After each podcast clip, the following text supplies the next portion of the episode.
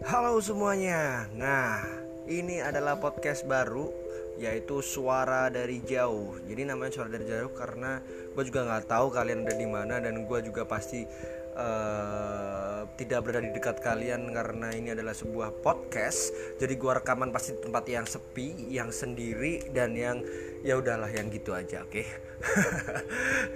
Dan tentunya di podcast ini bakalan kita seru-seruan habis, seneng-seneng.